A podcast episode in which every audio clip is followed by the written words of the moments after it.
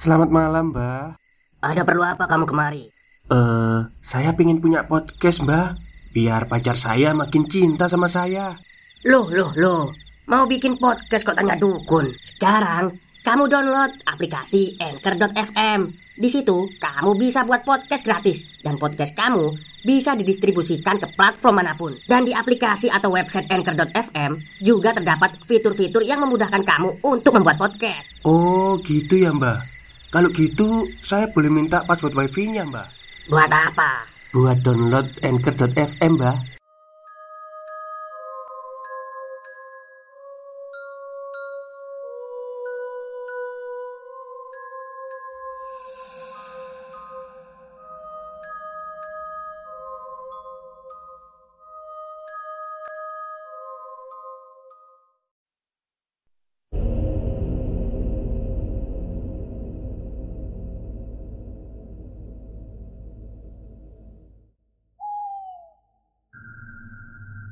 Assalamualaikum warahmatullahi wabarakatuh. Halo semuanya. Jumpa lagi dengan saya Chow Sing Sing Kurator dari podcast Horror Night Story. Halo apa kabar semuanya? Semoga kalian semua sehat-sehat ya.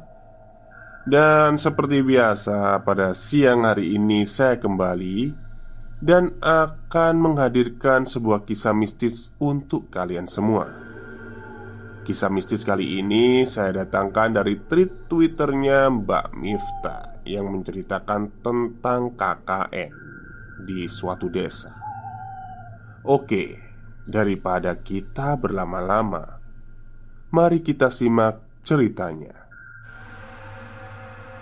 Assalamualaikum warahmatullahi wabarakatuh. Halo, bagaimana kabarnya? Semoga kalian baik-baik saja ya kita serem-sereman lagi yuk.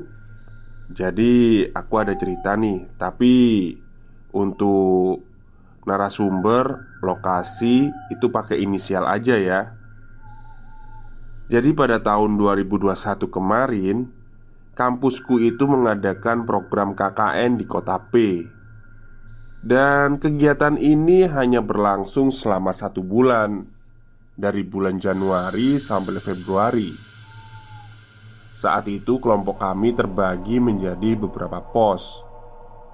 Kebetulan di pos yang aku tempati sendiri itu terdiri dari tiga prodi mahasiswa Yaitu Prodi Penjaskes, PBI, dan PGSD Total semua pos ada empat Yang di setiap posnya memiliki jarak yang lumayan jauh Karena setiap pos beda desa Penjaskes itu kan olahraga ya Jurusan olahraga PBI PGSD itu guru SD PBI itu mungkin pendidikan bahasa Inggris ya. Oke lanjut. Setiap pos terdiri dari 12 sampai 14 orang. Namun Saat itu posku hanya terdiri dari 12 orang saja Sebelum memulai KKN, kami survei dulu ke tempat pos yang akan kami huni saat KKN. Tiba saatnya di hari pertama kami KKN. Kami semua berkumpul di pos dan berdikus, berdiskusi tentang apa saja yang kami jalani selama KKN di desa A. Saat itu, kami membahas proker dan membagi jadwal piket setiap harinya. Pos yang kami tempati adalah rumah kosong yang cukup lama tidak dihuni oleh pemiliknya karena sudah meninggal. Mungkin hanya beberapa kali dipakai oleh pihak keluarganya sendiri untuk keperluan penting. Rumah ini memiliki tiga kamar yang cukup luas. Dua kamar berada di depan dan satu kamar di belakang. Dapurnya berada di samping kamar perempuan Ruang tengahnya juga cukup luas untuk tempat kami berdiskusi. Saat aku melihat kamar belakang, jujur aja, ada perasaan tidak enak. Tapi waktu itu saya nggak terlalu memikirkan. Hari pertama KKN kami melakukan aktivitas seperti biasa Layaknya mahasiswa KKN yang mengabdi kepada masyarakat kami membuat perencanaan proker. Dan kami juga dibantu oleh masyarakat sana. Saat itu kami berunding untuk membagi tugas masing-masing. Kebetulan di kelompok kami banyak mahasiswa yang sudah berkeluarga. Otomatis tidak bisa menginap di pos setiap harinya. Hanya bisa datang pada hari Sabtu dan Minggu saja dari 12 orang ini yang tinggal di pos hanya 8 orang termasuk aku. Panggil saja aku Amel Dan temanku Meli, Lala, Aisyah, dan Mala. Untuk laki-laki ada Abdul, Rozak, dan Indra. Sedangkan yang tidak tinggal di pos adalah Nita, Mei, Reddy, dan Bella setiap hari kami membantu mengajar di SMP dan SD setempat. Kami juga membantu apabila ada kegiatan warga di desa itu. Beberapa hari setelah tinggal di rumah itu, aku merasakan ada hal yang aneh, seperti ada yang mengawasi kami. Masih teringat kan, saat itu kami baru tiba di pos setelah seharian berkegiatan. Rasa lelah membuatku ingin segera beristirahat. Abdul Rozak dan Indra sudah tertidur di ruang tengah. Sedangkan yang perempuan sudah berada di kamar untuk istirahat. Lampu ruang tengah selalu dimatikan. Di tengah malam, aku terbangun dan siap-siap untuk melaksanakan sholat tahajud.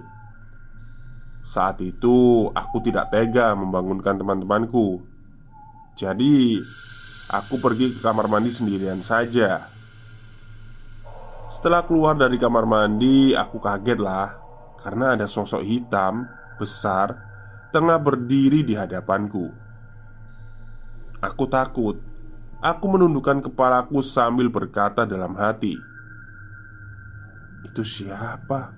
Kenapa besar sekali?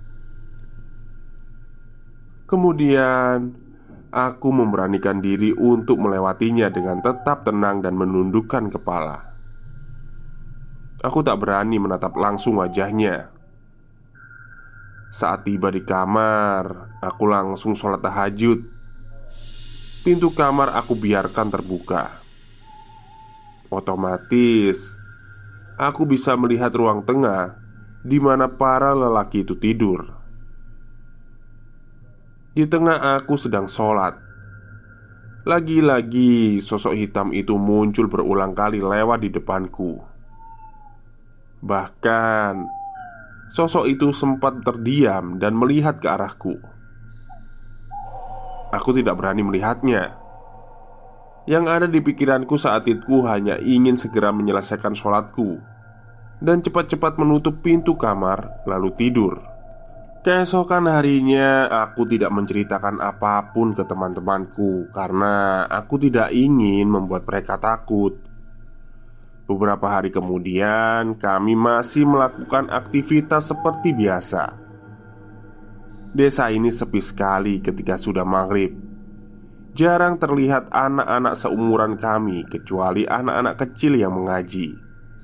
Itu pun sampai Isya Kemudian mereka pulang ke rumah masing-masing.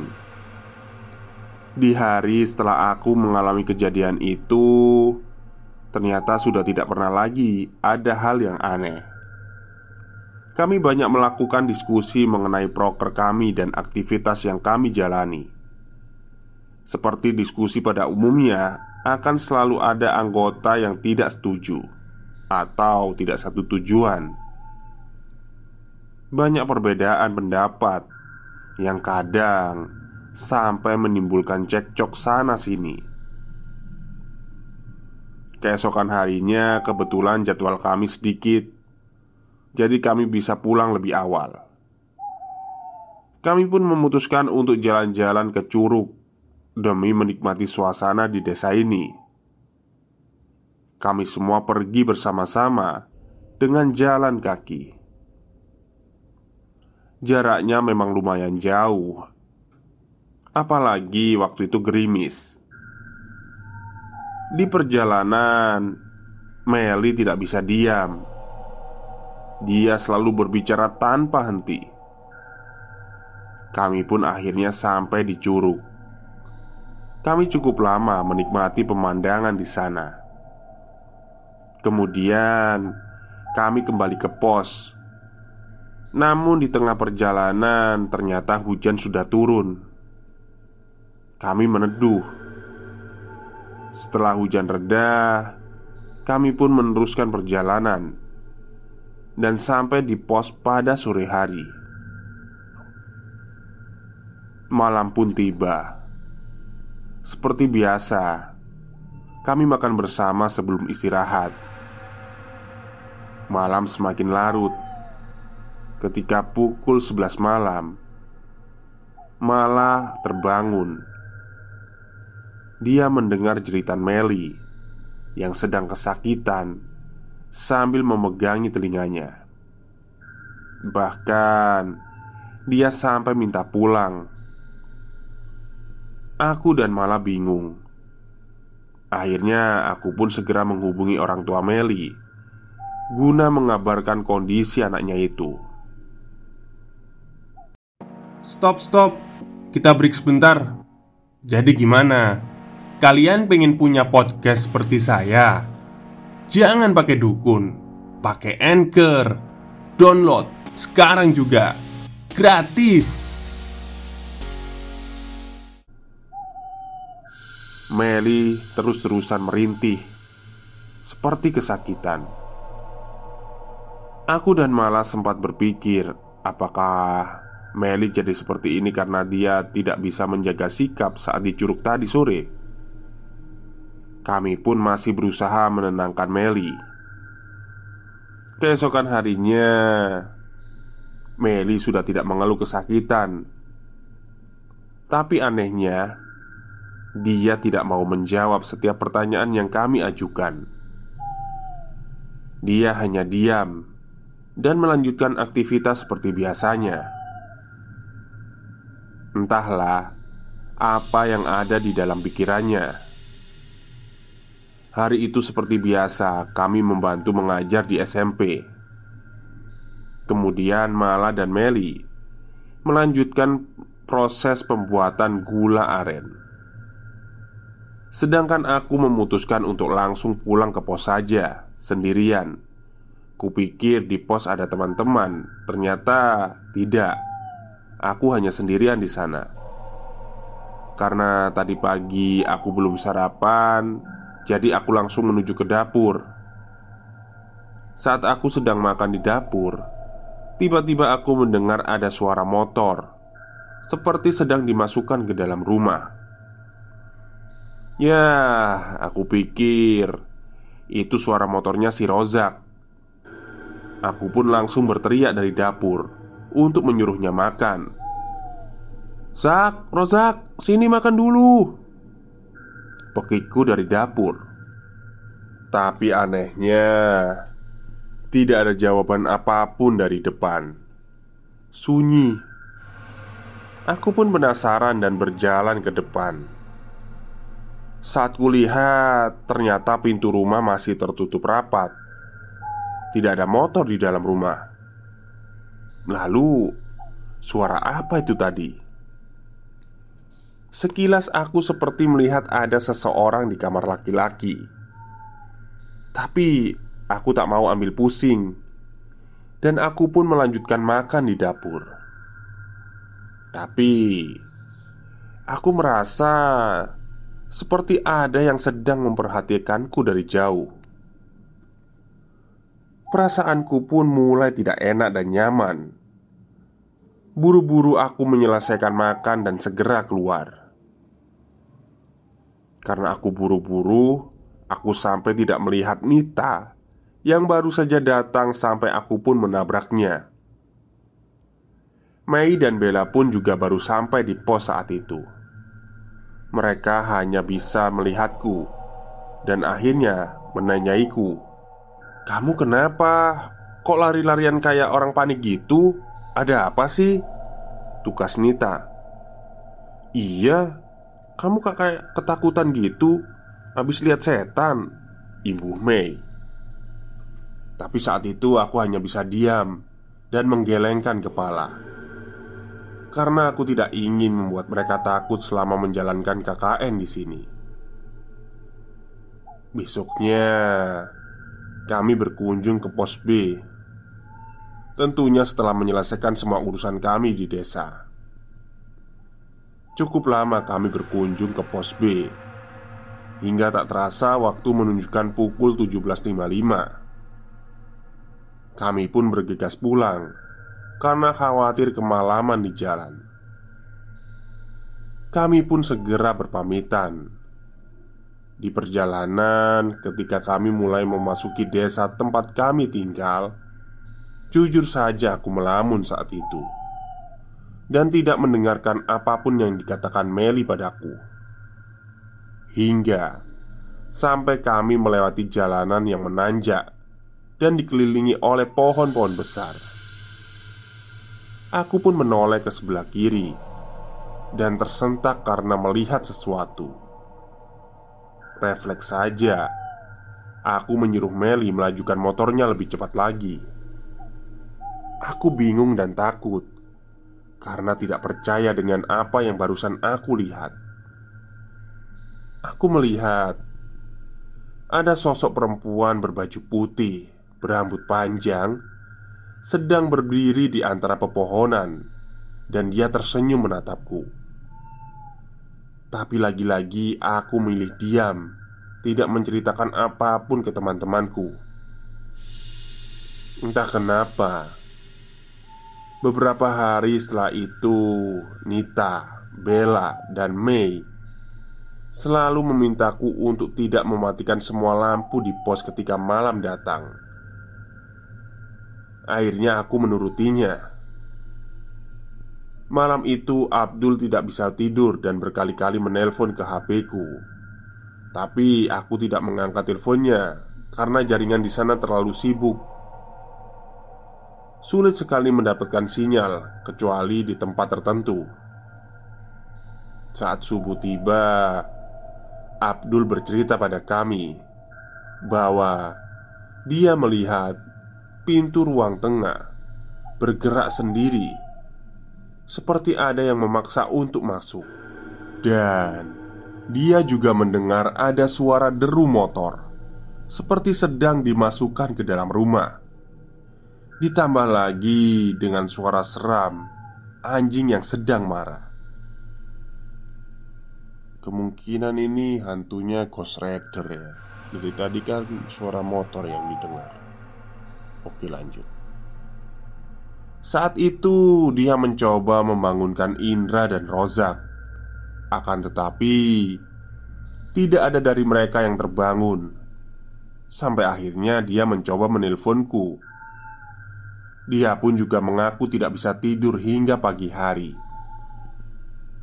Kami semua sontak kaget dengan apa yang diceritakan Abdul Tapi kami berusaha untuk berpikir positif karena program KKN kami di desa itu hampir selesai. Tiba di mana hari terakhir kami melaksanakan proker. Sebelum kami mengakhirinya, kami berkumpul di depan pos hingga kami semua menceritakan kejadian aneh yang kami alami selama KKN. Di pos itu, aku kaget Aku berpikir hanya aku yang diganggu. Ternyata tidak. Hampir dari kami semua diganggu oleh penunggu rumah itu. Seperti saat aku dan Abdul mendengar suara deru motor masuk di malam hari. Ternyata Bella dan suaminya pun mengalaminya. Saat, di, saat dia baru sampai di pos, dia juga melihat ada Aisyah yang sedang memasak di dapur. Padahal jelas-jelas Aisyah sedang tidak ada di pos hari itu. Itulah alasan kenapa dia memintaku untuk tidak mematikan lampu ketika malam hari. Dan yang lebih mengagetkan lagi, setiap ada tamu yang mampir ke pos, mereka selalu melihat sosok tinggi besar hitam berada di belakang kamar laki-laki. Kami semua tahu Rumah ini kosong sejak ditinggal oleh pemiliknya. Namun, semua barang-barangnya masih tersimpan rapi di dalam rumahnya. Kami pun bersyukur masih bisa melewati program ini sampai selesai. Entah apa dan siapa yang mendiami rumah itu. Mungkin mereka tidak mengganggu. Kita hanya hidup berdampingan. Terima kasih sudah berkenan mampir dan membaca tulisanku. Mohon maaf jika tulisannya kurang enak dibaca Atau mungkin bagi kalian gak ada serem-seremnya. Tapi menurutku itu serem. Dan inilah kejadian selama KKN di desa A. Wassalamualaikum warahmatullahi wabarakatuh. Oke, itulah cerita pendek dari Mbak Miftah ya tentang Oh, KKN. Sebenarnya cerita horor KKN itu udah banyak ya, klasik gitu ya. Cuman sampai saat ini tuh saya belum belum menemukan cerita yang benar-benar apa ya? Seperti KKN Desa Penari gitu ya. Saat ini memang kayak apa ya? Kebanyakan cerita KKN mungkin mereka hanya menceritakan tentang rumah yang mereka diami saja Tapi ya memang kalau mereka mengalaminya di rumah itu ya emang nggak masalah sih. Kalau kalau kayak desa penari atau apa itu kan mereka kan mengalaminya benar-benar di luar rumah dan di desa itu. Tapi belum belum nemuin lagi sih. Saya mau sih cari-cari tweetnya Mas Simpleman yang tentang KKN Desa Penari itu. Tapi panjang banget itu Gak apa-apa lah Oke mungkin itu saja untuk siang hari ini. Kurang lebihnya saya mohon maaf. Terima kasih Mbak Miftah atas ceritanya. Selamat siang dan selamat beristirahat